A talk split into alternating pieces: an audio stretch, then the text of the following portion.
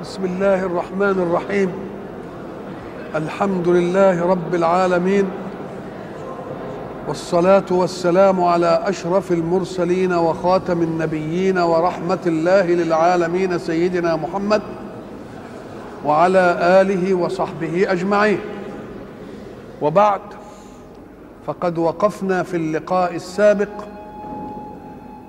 عند قول الحق سبحانه فإذا جاء وعد أولاهما بعثنا عليكم عبادا لنا أولي بأس شديد فجاسوا خلال الديار وكان وعدا مفعولا. وقلنا ذلك ما ورد لليهود في كتابهم. وقضينا إلى بني إسرائيل في الكتاب أي في كتابهم لتفسدن في الأرض مرتين. وهل بنو إسرائيل لم يفسدوا في الأرض إلا مرتين؟ ده لو أنهم أفسدوا في الأرض مرتين ده كانوا حاجة كويسة أوي. إذا لا بد أن يكون الأرض المقصودة الفساد الذي في حضانة دخولها في الإسلام. ما حدش يقول لي ده كان ينبخ نبخت نصر نقول له ده وعد وربنا بيقول فإذا يبقى لازم يجي وكان وعدا مفعولا وقد حدث فعلا وجاس رسول الله صلى الله عليه وسلم خلال ديارهم. ولكن أيستمر الأمر كذلك إرادة كونية؟ لا. إنه سبحانه قال بعثنا عليكم عبادا لنا. فما دام يوجد عباد لنا يبقى المسألة ماشية. إن إن تخلوا عن هذا الوصف يبقوا أنتوا رددنا لكم الكرة عليهم. فكأن الكرة لا ترد لا ثم رددنا لكم أي يا بني إسرائيل الكرة عليهم أي على الذين أجلوكم. طب ليه؟ تجعل الكر لهم يا رب لأن هؤلاء تخلفوا عن عباد لنا. ما دام تخلفوا عن عباد لنا يبقى لازم يحصل اللي حصل. إذا نحن الآن في قول الحق ثم رددنا لكم الكرة عليهم إحنا دلوقتي مع اليهود في منطقة إيه؟ ثم رددنا لكم الكرة عليهم. ومتى تنتهي هذه الكرة؟ حين نعود ثانيا عبادا لله. فإن شئتم فأطيلوها وإن شئتم فقصروها. وادخلوا المسألة على أنها أمر ديني. ما تأخذوش على أنه أمر عربي ولا أمر سياسي ولا أمر حاجة. لا ادخلوها إيمانيا إسلاميا وذلك لا يكون إلا إذا كنا جميعا عبادا لله. فإذا كنا عبادا لله لن يتمكنوا منا. الله سبحانه وتعالى حينما يتكلم بقضية قرآنية لا بد أن تأتي القضية الكونية مصدقة لها.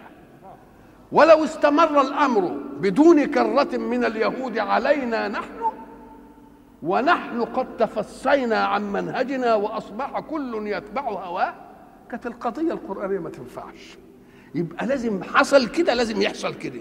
يبقى ثم رد. ولذلك بعض العارفين الذين نعتقد قربهم من الله حينما أخبرنا بأن اليهود دخلوا بيت المقدس سجد لله. فقلنا أتسجد لله على أن دخل اليهود بيت المقدس؟ فقال نعم صدق ربنا. صدق ربنا. لأنه إذا كان يقول وليدخلوا المسجد كما دخلوه أول مرة أيكون دخول ثاني مرة إلا إذا كان خروج أول مرة؟ يبقى لازم يحصل كده. فكأنه هو بيحمد ربنا على أن قضايا قرآنه الكونيات تؤكدها. ثم رددنا لكم الكرة برضه جت الكرة. مش كمنهم يهود ما نديلهمش الكرة؟ لا ده كمننا مش عبادة لنا جت الكرة. نعم. ثم رددنا لكم الكرة عليه الكلام ده بيخاطب اليهود. وشوف الدقة بقى. وأمددناكم بأموال. مش كده؟ أغنياء قوي بتوع المال هم. وبنين. كلهم في الجيش. وجعلناكم أكثر نفيرا. كلمة أكثر نفير دي لو أنت بقى تحللها بالكمبيوتر زي ما بيقولوا تقول يا سلام. ما هو النفير أولا؟ النفير هو ما يستنفره الإنسان لنجدته لأن قوة ذاته قاصرة عن الفعل. تستنفره. طب وهم لهم قوة ذاتية لوحدهم ولا وراهم؟ آه يبقى أكثر نفير ولا لأ؟ لأن وراء وياهم أقوى أقوى الدولتين العظميين. يبقى أمددناكم بأموال صح وبنين صح. وجعلناكم أكثر نفيرا.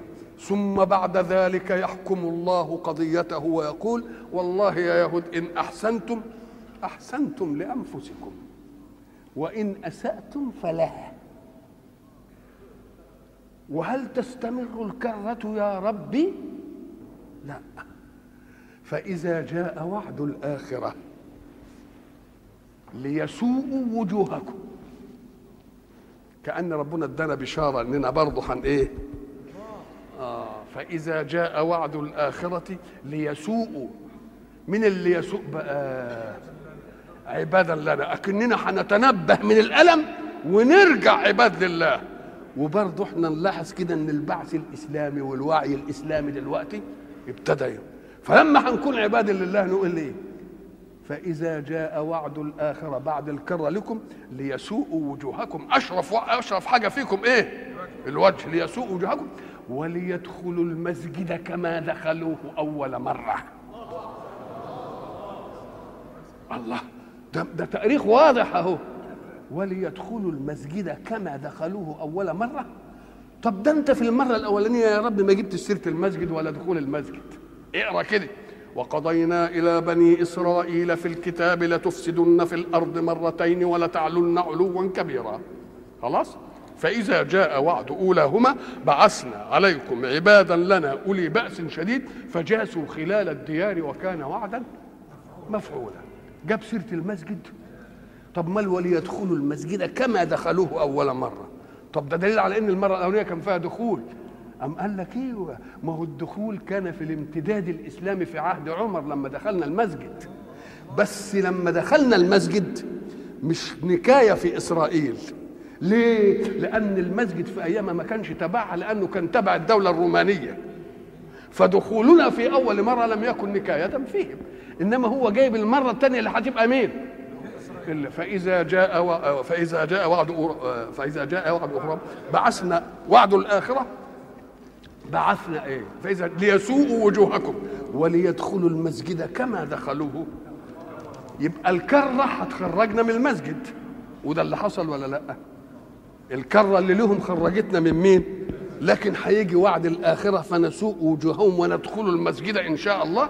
كما دخلناه أول مرة. وجاء بالمسجد هنا ولم يأت بالمسجد هناك لأن دخول المسجد هنا لهناك لم يكن اذلالا لليهود لأنه كان تبع المسيحية تبع الدولة الايه الرومانية. وليدخلوا المسجد كما دخلوه أول مرة. وليتبروا ما علوا. الله كأن هتمر فترة يبنوا ويعلوا فيه. أمال هنتبر إيه ولا؟ مش بيقولوا ليتبروا ما علوا. هنتبر اللي علوه تبقى لازم تمر مدة يعملوا إيه؟ يبنوا وهو ده اللي حصل ولا لأ؟ وليتبروا ما علوا إيه؟ ما علوا تتبيرا. إن شاء الله إحنا بقى في انتظار فإذا جاء وعد الآخرة. وانتظار وعد الآخرة في إذنه. ربنا عاملها وعد شرعي. إن عدنا عبادا لله كما كان في المرة الأولى سنسوء وجوههم وسندخل المسجد كما دخلناه أول مرة وسنتبر ما علوا تتبيرا. هنا بقى بعد ما خرجوا من مصر ربنا سبحانه وتعالى بيقول له يا موسى خد القوم بتوعك بنو إسرائيل وادخل الأرض المقدسة التي كتب الله لكم وقلنا الكتابة هنا شرعية ولا كونية؟ كلنا شرعية بدليل. ادخلوا الأرض المقدسة التي كتب الله إيه؟ لكم. ولا ترتدوا على أدباركم. لما يقول له اعمل كذا ولا تعمل كذا. يبقى دي شرعية ولا مش شرعية؟ يبقى شرعية. ولا ترتدوا على أدباركم فتنقلبوا خاسرين. إن ارتددتم على أدباركم انقلبتم خاسرين. وتدخلوها ولا ما تدخلوهاش؟ يبقوا ما يدخلوهاش بقى. تبقى إذا مش كتابة كونية. إنما هي كتابة إيه؟ إن أطعتم تدخلوا بشجاعتكم كده ومعتمدين على الله والى اخره عملتوا ترتدوا على أدباركم. كلمة ولا ترتدوا على أدباركم الإنسان حين يواجهه خصمة يواجهه بوجهه. فإذا خاف منه وأشفق وفر منه يعمل إيه؟ يرتد على أدباره. الارتداد على الأدبار دي نوعين اثنين نوع بترتد على الأدبار عشان تتحرف أو تعمل مكيدة. أو إلى آخره ومن يولهم يومئذ دبره إلا متحرفا لقتال أو متحيزا إلى فئة يبقى معنى الإدبار الرجوع على الأدبار مش مذموم. فإن كنت عايز تعمل حيلة تعمل فخ تعمل كماش ارتد. إنما مش مثلا إيه؟ فرار. ولا ترتدوا على أدباركم. يعني مواجه كده وبعدين يرتد على أدباره. يا ترى يرتد على أدباره بأن يلفت وجهه إلى ناحية دبره يدخل ولا يرجع بظهره؟ يصح ويصح. ولا ترتدوا على أدباركم فتنقلبوا إيه؟ فتنقلبوا خاسرين. ماذا كان موقفهم ما دام الكتابة شرعية؟ تطاع وتعصى. قالوا يا موسى إن فيها قوما جبارين. الله. طب ده بيقولوا ادخلوا الأرض المقدسة قبل ما يدخلوها يقولوا فيها قوم جبارين. مين اللي قال لهم؟ أم قال لك ما هو أنت باخد بالك وبعثنا منهم اثني عشر إيه؟ نقيب والنقباء بقى إيه؟ راحوا وشافوا الحكاية وتجسسهم ونقبوا ما هو نقيب. ونقب وشاف إيه الحكاية اللي في البتاع دي فعرف إنه فيها جماعة عمالقة. كنعانيين بقى من الفتوات. ساعة ما شافوهم قالوا إحنا هنقدر نواجه دول ده قوم جبارين. مش ممكن ندخل الأرض دي اللي كتبها ربنا لنا علينا دي وهم فيه. لن ندخل ابدا ما داموا فيه. مش ممكن. الله يبقوا تخاذلوا ولا لأ؟ ارتدوا على أدبارهم ولا لأ؟ يبقى لازم ينقلبوا إيه؟ ينقلبوا خاسرين. طيب. قالوا يا موسى أي الجماعة اللي نقبوا وراحوا شافوهم إن فيها قوما جبارين. كلمة جبار دي ساعة ما تسمعها قلنا إحنا كل المسائل المعنوية متاخدة من محسات أصل الجبارة إيه؟ النخلة اللي إيد الواحد وهو بيجي يجنيها ما تطولهاش. لما النخلة الواحد إيده بتطولها بتبقى إيه؟ دانية القطوف يعني سهلة مجبرة بقى سحوق كده عالية وبعد ذلك أخذت من الذي علم على الذي لا يقهر ولكنه يقهر. يبقى اسمه إيه ده؟ اسمه جبار. وقد يكون الجبار مكرها ولكن على الإصلاح. يبقى جبار زي إحنا بنقول المجبراتي المجبر يعني بيعمل إيه مجبر؟ يخلع من العظم. طب هو يعني بيمسكك ويلويك كده وإن كان بتاع يكسر لك ويخليك تقول آه يبقى بيكرهك على الإيه؟ على على الإصلاح. وده كويس. الجبار اسم من أسماء الله. مش كده ولا لا؟ اسم من أسماء مين؟ الله. لأن صبحا هو يقهر ولا يقهر. وقد يكر يكرهنا علشان يصلحنا. ويقعد يعمل لنا مش عارف بلاء علشان يعدلنا. مش كده؟ على الأول. صفة كمال في الحق لأنه يستعمل جبروته في الخير. يقهر المين؟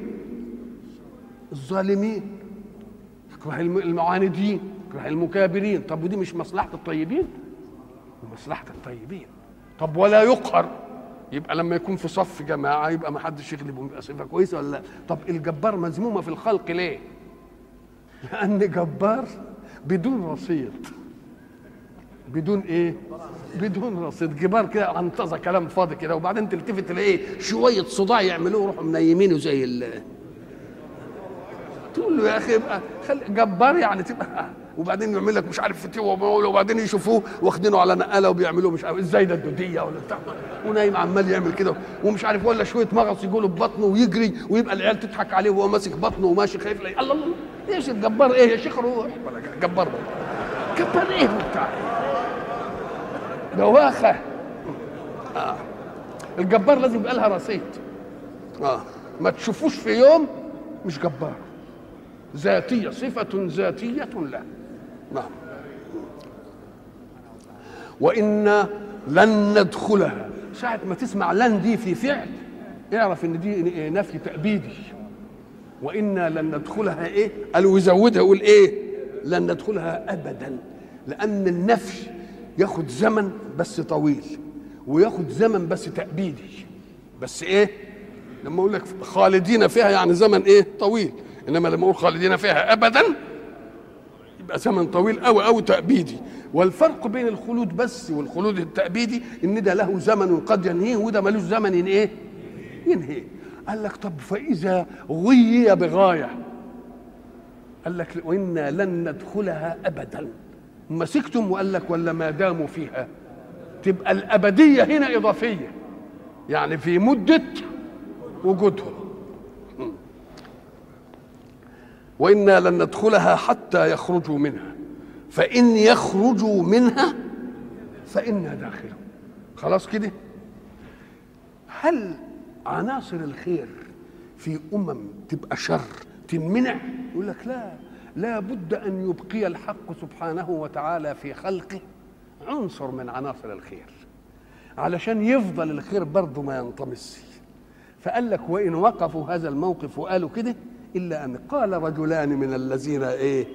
يخافون. أي يخافون عقوبة الله في أنهم ينكصوا عن الأمر. ادخلوا عليهم الباب. فإذا دخلتموه فإنكم غالبون. برضه هم ما فهموش عن الله. طب بيقول إيه؟ ادخلوا الأرض المقدسة التي كتب الله لكم. مش بالله كان مجرد دخول ده هيمكنهم. ده هو قايل لهم كتب لكم. ادخلوه. فالناس دول فهموا بقى. اللي هو كالب ويوشع ابن نون. واحد من سبط يهوذا وواحد من سبط إفرايم اللي هم ابن يوسف. فهموا الحكاية. قال لك ده ربنا قال إيه؟ كتب الله لكم. وما دام هو ربنا كتبها يبقى عايز بس منا إيه؟ ها؟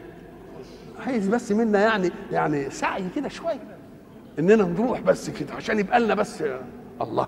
وهو الإنسان حين يأمره الله بعمل من الأعمال طب ما هو يكفيه أن يتوجه بالعمل اتجاها والمعونة من الله؟ مش كده؟ ما هو ربنا عايز منا إيه؟ ده هو عايز, وحتى بقول لك لما تتقرب لي انت قربت إلي إيه؟ شبر. أتقرب لك إيه؟ ذراع وانت قربت لي ذراع أتقرب لك باع. وإن جيتني تمشي أقول لك لا خليك مطرحك أنا أجي لك جري يعني. الله. لأنك أنت المشي يمكن يتعبك بس يعوز أنت إنك تجيني عوز إنك أنت تجيني أقول لك لا بس خليك وأنا أجي لك أنا. وإن جاءني يمشي أتيته إيه؟ أتيته هرولة. فالمسألة بس يعني يعني يعني بس علشان يبقى العمل لك ما هو من عظائم فضله عليك أن فعل ونسب إليك. فعل ونسب لك فهو مش عايز منك إلا النية. هو عايز منا إلا النية؟ ابدا. طب إيه اللي بالله؟ أنت عايز تقتل عدوك. وجيت ورحت ماسك السيف. طيب قول لي بقى كده امسكها وحللها من أولها لآخرها. السيف اللي أنت ماسكه ده عملته منين؟ من الحديد. الحديد ده جبته منين؟ جبته من الأرض. والأرض ربنا قال وأنزلنا الحديد فيه بأس. ده هو اللي منزله برضه. وبعدين علمني إن النار تثقله ومش عارف إيه وبتاع وعلمناه صنعة لبوس لكم لتحصنكم من بأسكم. طب بالله ساعة ما جيت تقبض على السيف. أنا أريد علماء وظائف الأعضاء يحددوا للإنسان ساعة ما يجي يمسك حاجة بأي العضلات أي عضلة يأمرها عشان تفعل. طب إيه عضلة إيه اللي تأمرها عشان تمسك السيف؟ ما أنتش عارف العضلات اللي تمسك هي إيه. ولا أنتش عارف تأمرها إزاي. لكن ده بمجرد إرادتك أن تمسك تريد أن تمسك. تروح ماسك. إيه اللي طب عملت إيه عشان تمسك؟ طب قول له امشي لي خطوة. قول له بأي العضلات بدأت علشان تمشي الخطوة دي. إزاي؟ طب ده أنت لما بتعمل حاجة آلية زي الدراع اللي بيعملوه آلي ده في عشان يعمل اي شوف كم مفتاح عشان تحرك ال طب أنت بتحرك إيه عندك؟ مجرد الإرادة منك. أن تقوم تلتفت تلاقيك قمت. قمت إزاي؟ عملت إيه؟ مشيت. مشيت إزاي؟ طب حركت إيه في ما تعرفش. تقوم تقول له إذا كانت إرادتك تفعل بمجرد أن تريد فلا تريد من خلقك أن يفعل لمجرد أن يريد. على طول. ده ده مديها لك انت. مديها لك انت بتعملها. ولا انت عارف تتحرك إيه ولا انت عارف تعمل إيه. طب امسك القلم كده وقول لي أي العضلات في جسمك؟ عشان تمسك القلم المسكه اللي انت ده مجرد ما تعوز تمسك القلم تمسكه. الله بقى بقى مديك إرادة بمجرد ما تعمل هي اللي تعمل ولا انت داري هي إيه اللي حصلت. انتش داري أهو هو كده. يبقى لما يكون مريد يفعل ولا ما يفعلش؟ يبقى يفعل. أو قال رجلان من الذين يخافون أنعم الله عليهما أنعم الله عليهما باستذكار الفهم عن الله.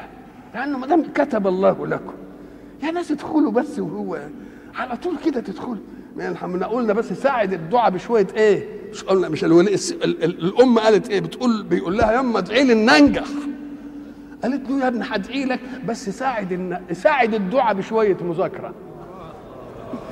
بس ساعد الدعاء بشوية إيه؟ شوية مذاكرة. بس عشان تبقى يعني حتى ال... قال رجلان من الذين يخافون أنعم الله عليهما فكأن الخوف من مخالفة أمر الله نعمة. والفهم من الله عن عباراته نعمة. ادخلوا عليهم الباب. فإذا دخلتموه الله مش قتلتموهم تغلبوهم. ده بمجرد الدخول. بمجرد الدخول. هتلتفت زي ما قلنا نصرت بالرعب كده. وقاعدين كده. لأن ساعة ما يكونوا جماعة جبارين وبعدين يشوفوا شوية جماعة كده. ده لما عملوا أساطير حول هذه القصة يقول لك ده فيه واحد منهم اسمه عوج. راح لقى الجماعة دول ما قال الجماعة اللي جايين يدخلوا علينا البلاد دول اما نروح نشوفهم إيه وكان رايح يجيب فاكهة. قام خطف منهم اتنين. قالوا بيقولوا حطوا في حطوهم في كمه. ويا شوية فاكهة جايبهم من الجنينة للريس بتاعهم. وبعدين دخل عليه قال له الجماعة دول جايين عايزين يدخلوا علينا الباب. قال له عمل كمه كده نطرهم قدامه. يعني شوف المبالغة قد إيه انهم يعني. آه. قال فإذا دخلتم عليهم مجرد الدخول فإنكم إيه؟ فإنكم غالبون. بعض المفسرين قال وقال رجلان من الذين يخافون من الذين يخافون يعني يخ... البنو إسرائيل يخافوهم. يبقى اللي قالوا من مين؟ مش من بني إسرائيل. لا من اللي بيخاف منهم بني إسرائيل. قالوا لهم ما تنغروش بالأجسام. دول جنود ربنا بقى ما تتغروش بأجسامهم دول ولا بكبارهم. ده بزقة كده وبصة يفروا من قدامكم. من مين دول بقى؟ الأولانيين يبقوا من بني إسرائيل. إن كان على الثاني يبقوا من مين؟ من الأعداء نفسهم. ما تتغروش يبقوا ما يعلم جنود ربك إلا إيه؟ إلا هو. وقال رجلان من الذين يخافون أنعم الله عليهما. ادخلوا عليهم الباب فإذا دخلتموه فإنكم غالبون. وعلى الله فتوكلوا إن كنتم مؤمنين. ما تقعدوش تحسبوها بقى بالكمبيوتر وتقولوا إحنا كام؟ وهم كام ومعانا إيه وما معناش إيه وإحنا الواحد منا وزنه قد إيه بالنسبة له ما تحسبوهاش كده احسبوها ايمانيا. احسبوها إيه؟ ايمانيا بأن معكم الله. وإن تنصروا الله ينصركم. وإن جندنا حطها ديا وياك في الكفة بتاعت قوتك. فتوكلوا إن كنتم مؤمنين بحق توكلوا. قالوا يا موسى إنا لن ندخلها ابدا. ما داموا فيها. يعني الخلاصة ما تدقعش دماغك ويانا. مش هي معناها كده؟ هي بالفلاح كده ما توجعش دماغك. لن ندخلها ابدا ما داموا فيها. إن كنت مصر اذهب أنت وربك فقاتلا. يا هو على يا هو على السخرية. يا هو على الاستهزاء. لكن ليه ما قالوش أرنا الله جهرة؟ طب ما هو برضه قالوا أرنا الله جهرة. اللي يقول كده ما عبدوش العجل. طب ما هو عبد اللي يقول كده ما يقولش كده ولا لا؟ آه اذهب أنت وربك فقاتلا أنا هنا إيه؟ قاعد. ماذا يقول موسى؟ قال ربي إني لا أملك إلا نفسي وأخي. أنا لا أملك إلا إيه؟ نفسي واخوه كان مملوك له ليه؟ لأنه أصل مرسل زيه مرسل زيه مش وأخي هارون وهو أفصح فأرسله معي ما يبقى مرسل زيه ولا لأ؟ يبقى يعني ما وثقش في حد من المرسل إليهم أبدا. قال لك أنا تجربتي معهم ما آمنش على أي واحد. وحتى ولا يوشع ابن نون ولا كالب ولا حد. ما حب. حتى الرجلين اللي قالوا كده برضه ما إيه؟ ما حسبهمش. قال لك لأن انهم قلب قال له يا رب أنا هتكلم معاك بقى أهو. أنا لا املك إلا نفسي. وأخي. أنفس أخيه مملوكة له أو لا أملك إلا نفسي؟ وأخي كذلك لا يملك إلا نفسه. المهم هم اثنين. قال ربي إني لا أملك إلا نفسي وأخي. وهم كما سمعت لن ندخلها ابدا ما داموا فيها. يبقى اذا أنا وهم مش هنلتقي. فافرق. افصل بيني وبينهم. يا سلام. بيننا وبين القوم الفاسقين. افرق بيننا وبين القوم الايه؟ الفاسقين. الحق سبحانه وتعالى في التعبير الادائي للقران بيجيب الأشياء اللي ممكن تحتمل أن يرق قلب واحد من أتباعه على إنه يقول شيخ وأنا وياك لما يسمعوا كده يقول لا رب إني لا أملكه إلا نفسي وأخي. ويقولها كده. ما يمكنش حد بقى من الناس الكويسين يقولوا له يا شيخ وإحنا وياك. فيصح إن حصل كده ولذلك قال ما قال إيه افرق إيه بيننا وبين القوم الفاسقين. ومعنى فاسقين كما قلنا زمان الذين خرجوا عن منهج الطاعة لله من فسقة الإيه؟ الرطبة. رطبة لما ترطب البلحة لما ترطب تقوم يحصل إيه؟ جلدها يتسع على حجمها. تقوم تنفد الرطبة من الجلد. يبقى فسقت الرطبة يعني خرجت من إيه؟ من جلدها. وكأن الجلد ده هو منهج الله الذي يحيط بالإنسان. عشان يصونه. يوم لما يفسق يبقى يخرج عن إيه؟ عن قانون الصيانة. فافرق بيننا وبين القوم الفاسقين. قال فإنها محرمة عليهم أربعين سنة. يبقى الإجابة في الفرق أنها محرمة عليهم أربعين سنة. العلماء جم محرمة عليهم. التحريم مدته أربعين سنة. ولا قال فإنها محرمة عليهم. خلاص. ليه؟ لأنهم تأبوا أن يدخلوها. ولذلك كل الذين قالوا إنا لن ندخلها أبدا ما داموا فينا ما حدش منهم عاش إلى أن دخلوها. قال لهم والله لم صدقكم الحكاية دي ما حدش يدخلها. وبعدين أربعين سنة مش قال محرمة عليهم أربعين سنة لا. قال فإنها محرمة عليهم. خلاص؟ الكلام انتهى. أربعين سنة يتيهون في الأرض. أربعين سنة يتيهون في الإيه؟ في الأرض. طيب يا يا ترى تحط أربعين دي ظرف لمحرمة ولا تعملها كلام مستأنف؟ أربعين سنة يتيهون في الأرض. التيه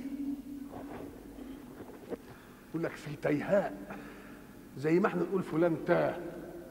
تاه يعني إيه؟ يعني سار على غير هدى ولا يعرف لنفسه مخرجا ولا مدخلا. امرأة الواحد يدخل في حاجة ما يعرفش يمشي فيها وبعدين يقول لك طب أخرج. برضه ما يعرفش يخرج. أهو ده التيه بقى. اسمه إيه؟ طب 40 سنة يتيهم. قال لك في كم فرسخ؟ العلماء بيحققوها تسع فراسخ ولا ستة ست فراسخ. يتيهوا 40 سنة في ست فراسخ. أم قال لك إيه؟ ساعة ما يمشوا كده يمشوا وبعدين يصبحوا يلاقوهم عند ما بدأوا. يقول لك إحنا معلمين الشيء الفلاني بالحاجة الفلانية ومش عارف يلتفت يلاقي العلامات نقلت له. قعدوا يروحوا ويجوا يروحوا ويجوا يروحوا ويجوا. طبعا هم في التيه للأدب. الحق حين يؤدب عاصيا. يحفظ له حتى ما يعطيه للكافر به. إحنا لما واحد بيعمل ذنب كبير قوي بنحبسه ما بنأكلوش. مش بنأكله برضه ولا إيه؟ وبعدين قال لما ترتقي إنسانيتنا نقول لك لا عيشه عيشه كريمة. يا شيخ ما تبيدنوش على فرش بقلت له مش عارف إيه. ودي له أكل مناسب. قال دي لما نرتقي في الإيه؟ هات له شوية شغل كده كويسين يناسبوا مش عارف مركزه. آه كذلك ربنا عمل هم في التيه صحيح. إنما أيضن عليهم في التيه بما لم يضن به على الكافرين به. اذا حفظ الحياة دي ضروريه أمر ضروري. فجاب لهم المن والإيه؟ والسلوى. واحد يقول لك ده جاب لهم المن والسلوى ده عشان يقعدوا يتعنطزوا يقولوا لا ده عشان يطول عليهم الوقت. لأنه بالك لو كان خلوهم يزرعوا ويقلعوا ينشغلوا في الإيه؟ في الزرع والقلع وبتاع. ولذلك هم نفسهم من المن والسلوى. قالوا إحنا عايزين مما تنبت الأرض من بقلها وقثائها وفومها وعدسها وبصلها. زهقنا هي المسألة إنك أنت تأكل واحد وتشربه؟ ده في حاجة كرامة فوق الأكل والشرب. اللي بيعتقلوهم وبيجيبوا لهم أكل زي ما يعوزهم ولا بتاع وحاجات زي ويلعموهم برضه بيبقوا متضايقين ولا مش متضايقين؟ آه يبقى اذا الحق سبحانه وتعالى خدهم في فترة التيه ولذلك بعضهم يعملها حساب. يقول لك شوف بقى هو ووعدنا موسى ثلاثين ليلة ها؟ وأتممناها بإيه؟ فتم ميقات ربه. وقال موسى لأخيه هارون أخلفني في قومي لما راح بقى وعمل إيه؟ قاموا عبدوا الإيه؟ عبدوا العجل وجه ومسك أخوه وبعدين قال له إزاي أنت عملت الحكاية دي؟ قال له يا ابن أمة إيه آه لا تأخذ بلحيتي ولا براسي وقعدوا بقى الحكاية قعدوا كام يوم؟ 40 يوم بيعبدوا في الحكاية بتاع العجل دي. فدلهم بكل يوم عبدوا العجل سنه في التيه بس ما سابهمش مما يحفظ الحياة. نزل لهم المن والإيه؟ المن والإيه؟ والسلوى وموسى كان وياهم ولا مش وياهم؟ ومات في التيه ولا ماتش في التيه؟ أو العلماء بقى ما يهم أمر لا إيه؟ لا يهمنا. المهم إنهم ما دخلوش البلد اللي هي أريحة دي إلا على يد يوشع بن نون بعد ما انتهت الإيه؟ الأربعين سنة. طيب. قال رب إني لا أملك إلا نفسي وأخي فافرق بيننا وبين القوم الفاسقين. قال فإنها محرمة عليهم. تقف وتقول أربعين سنة يتيهون في الأرض أو محرمة عليهم أربعين إيه؟ أربعين سنة يتيهون في الأرض. فلا تأس فلا تحزن على القوم الإيه؟ الفاسقين. لأنه لما هو قال افرق بيننا آه، وربنا أجاب آه، الدعوة بتاعته.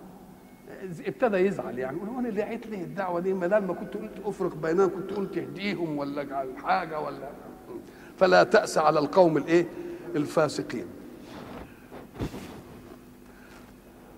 واتل عليهم نبأ ابني آدم بالحق.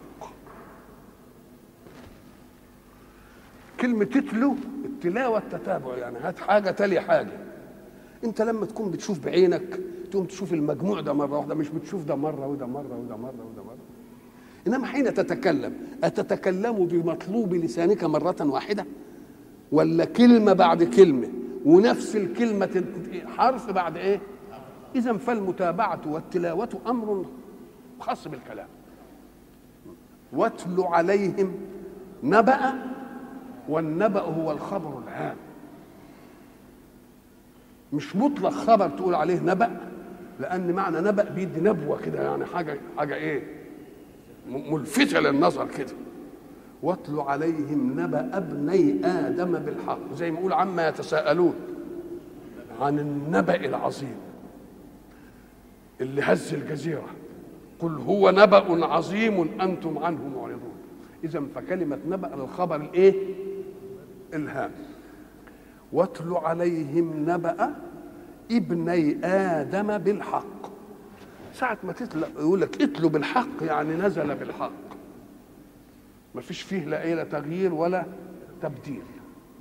ولذلك وبالحق أنزلناه وبالحق نزل. بالحق أنزلناه ما التبس به غيره. وبالحق الجامع لكل أوامر الخير والنواهي عن الشر نزل. يبقى بالحق أنزلناه وبالحق إيه؟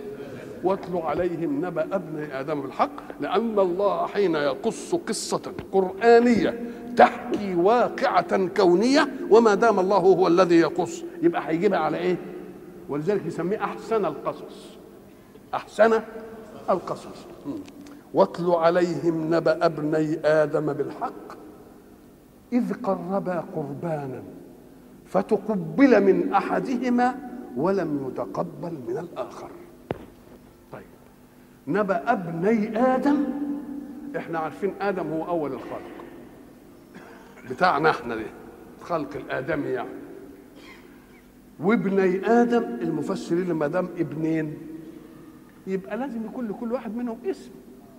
طيب. لما قالوا قابيل وهابيل كان ضروري برضه يبقى لهم أسامي ولا لأ؟ فلما جم قعدوا يقولوا لنا قابيل وإيه؟ وهابيل. نعم. ابني آدم بالحق إذ قربا قربانا. كلمة قربان هو ما يتقرب به إلى الله. وفعلان وزن فعلان دي يعني مثلا إيه زي كفران. كفر كفرانا. فرق فرقانا. كل دي من إيه؟ كلمة فعلان مبالغة في الإيه؟ طيب. إذ قربا قربانا طب وتقريب القربان ده كان عشان إيه؟ فتقبل من أحدهما ولم يتقبل من الآخر. أولا ليه قدموا القربان؟ خلاص كده؟ وإيه؟ وليه؟ وكيف يتقبل القربان ولا يتقبل؟ هذه هذه الثانية. الثالثه إن نفس الأسلوب إذ قربا قربانا. طب هم قربوا قربان واحد لاثنين طب ده بيقول فتقبل من أحدهما ولم يتقبل من الآخر. يبقى لازم قربانين. ده قدم قربان وده قدم إيه؟ قربان. يبقى تقبل قربان واحد ولم يتقبل قربان مين؟ الآخر. قال لك ما هي قربان دي تبقى مصدر والمصادر في التثنيه وفي الجمع. وفي التذكير وفي التأنيث واحد. إحنا مش قلنا رجل عدل. طب وامرأة عدل أيضا. ورجلان وامرأتان ورجال ونساء عدل. إذا المصدر بيستوي فيه مين؟ المفرد والمثنى والجمع والمذكر والمؤنث. يبقى قرب قربانا. اسم الاثنين قربان. بس قوله فتقبل من أحدهما ولم يتقبل من الآخر هي اللي ادت إيه؟ التنوين طيب اولا لماذا كانت عملية القربان إلى الله؟ وكيف كان التقبل؟ فلما العلماء حبوا يتكلموا قال لك إحنا بقى نمسك المسألة كده ونقول آدم أول الخلق الآدمي وبعدين جات له حواء علشان اكتمال إيه زوجية التكاثر. لأن التكاثر لا يأتي إلا إيه؟ في كل حاجة ومن كل شيء خلقنا زوجين. مش كده؟ من كل شيء عايزينه يتكاثر لازم إيه؟ يبقى زوجين. عادي.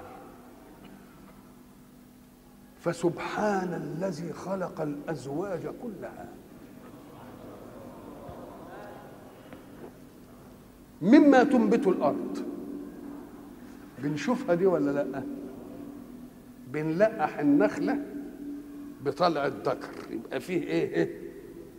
اتنين على الأول. وفيه ومثلا في حاجات إحنا ما نعرفش لها ذكر وانتايه إما لأن الذكر مش موجود تحت أعيننا إنما يوجد من بعد والريح هو اللي بيحمل ال وأرسلنا الرياح لواقع تسافر تجيبه من أي حتة. مش كده؟ أو لأن الذكوره والانوثه الاثنين في شيء واحد. فما تعرفش الذكر والأنثى لأنهم الاثنين في إيه؟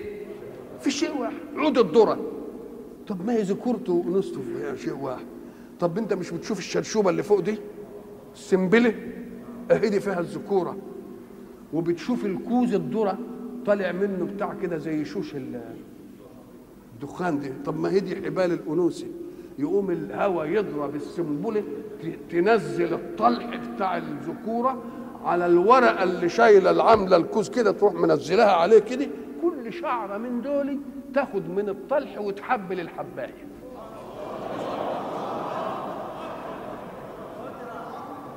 ولذلك تيجي تقول لك أنا رشت في الذره لقيته كله مدكر.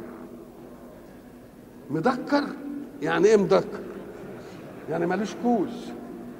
لما تيجي تبص تلاقي الكوز محضون بالورقة. الورقة حاضنة على على الشوشة بتاعه الكوز دي ما خلتهاش تطلع لبرة فلما نزل اللقاح ما طلعهاش حاجة. فضل فضل اولح بس. طيب وليه؟ امسك أي كوز ذره وافتح فيه كده أهو تلاقي حبة ميتة فيه ولا حبيتين ولا سطر. بص كده تلاقي الحباية اللي ميتة والحبيتين ملهاش شوشة طالعة لبره. اللي لها شوشة وخدت من الذكر تروح واحدة كده والتانية اللي بنسميها سنة العجوز. أنتوا مش فلاحين؟ ما هي سنة سنة العجوز دي. تلتفت الحباية طالع لها إيه؟ شوشة من بره. اللي ما طلعش شوشتها من من طرف الكوز ولا خدتش من اللقاح ما تجيبش حاجة. مع أن العود واحد. سنبلة القمح اذا فكل شيء فيه إيه؟ لازم زوجين. فسبحان الذي خلق الأزواج كلها وقول الله سبحانه ومن كل شيء خلقنا زوجين إعجاز علمي. يسر صاحبنا صاحب سؤال سنريه الله. من كل شيء ما يقال له شيء يبقى فيه زوجين. الله الله الله ده أنا عدتها من النبات إحنا ما نفعها ما نعرفهاش إلا في النبات. أم قال لك كل حاجة يا أخوي. المطر لازم يتلقح. الله. إن ما كانش يتلقح وتيجي البتاع الذرة كده وتيجي على ما ينزلش مطر. الله. ال ال أي حاجة موجودة في الكون الحصى في ذرات موجبة وذرات سالبة ومش عارف إيه. وبعدين لما اخترعنا الكهرباء ولقينا الموجب والسالب ارتحنا. فلما يجي يقول ومن كل شيء خلقنا زوجين يبقى نصدقه. فسبحان الذي خلق الأزواج كلها نصدقه. مما تنبت الأرض أدي أول علم العرب. ما كانوش أمة علم بقى وشايفينهم دعبسين في الكون بقى والعلم لسه ما كانش تقدم التقدم ده وورانا الموجب والسالب والإلكترونات والمش عارف الإيه والإيه. ما كناش نعرف الحاجات زي دي. الله. مما تنبت الأرض ومن أنفسكم. مش صحيح كده؟ عاد. ومما لا تعلمون. اذا كل ما تجد حاجة فيها بايه موجب وسالب وذكور وناس نقول وهدى ومما لا إيه. ومما لا إيه؟ دي التكاثر. هات الإنسان سيد هذا الوجود. يبقى لازم له زوجين ولا لأ؟ له له زوجين. عشان نكاثر مش عشان نوجد عشان تحصل تكاثر. وإلا فالإيجاد أوجده الله من من لا شيء. لما يجي آدم وربنا يبعت له حواء ويبتدئوا يتلقحهم وبعدين العالم يكسر. معنى العالم يكتر يعني إيه؟ إحنا كنا زمان قلنا لو أنك رجعت بالانسال في العالم كله رجعة متأخرة. تقعد تتأخر تقوم تلتفت تلاقيها عاملة كده. كل الزمن ما يتقدم كل الأنسال ما إيه؟ ما تزيد. يعني قلت مثلا مصر من قرن من الزمن كان تعدادها كام؟ حد يفتكر كده؟ حد يقول لي رقم كده؟ تعدادها كام يعني خمسة مليون مثلا. يا شيخ أربعة ولا خمسة زي بعض. المهم أقل من أربعين. طب ومن قرنين؟ يبقوا كام؟ ها؟ مليون. ومن ثلاث قرون. خلينا نمشي كده بالعقل يعني. نص. واقعد سلسلها بقى كده. لحد ما تبقى عشر قرون توصل لمية بس. مش كده؟ وبعدين مية توصل لخمسين وخمسين توصل لعشرين وعشرين ما انت بتمشي كده بقى. وعشرين توصل لكام؟ لعشرة. وعشرة توصل لكام؟ ثمانية توصل لكام بقى؟ لازم اثنين لأن واحد ما يجيبش نسل الله إذا أنا لما أقعد أعمل عملية الإحصاء الإنساني في العالم وأسير به إلى وراء أرجع إلى اثنين. وكذلك كل شيء متكاثر. حيوان نبات كله كله هيرجع لاثنين اثنين يبقى الأول ربنا خلق من كل شيء إيه؟ زوجين وقال لهم اتكاثروا بقى. على الأول. لما يجوا يتكاثروا ما تقولش إن بعد قرن يبقى كده وبعد قرنين يبقى الضعف. لا. لأن اللي جه في قرن هينتج اخر أنت عارف الربح المركب والربح البسيط؟ آه. تبقى القفزة كبيرة بقى. القفزة إيه؟ قفزة كبيرة على الأول. طيب يا سيدي أنت اذا لما ربنا يقول إنني خلقتكم من نفس واحدة وجعل منها زوجها وبث منهما رجالا كثيرا ونساء يبقى علم الإحصاء كله ياكدها ولا لأ؟ يبقى خلق إيه؟ أه؟ من نفس واحدة وجعل منها إيه؟ زوجها. وبث منهما رجالا كثيرا وإيه؟ ونساء. على الأول. طيب لما نحب نتكاثر بقى مش هنعمل تزاوج؟ طيب التزاوج ده يجي إزاي بقى؟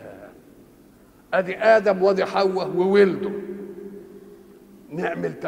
نعمل إزاي ده نجوز مين لمين عشان يطلع التكاثر؟ مشكلة.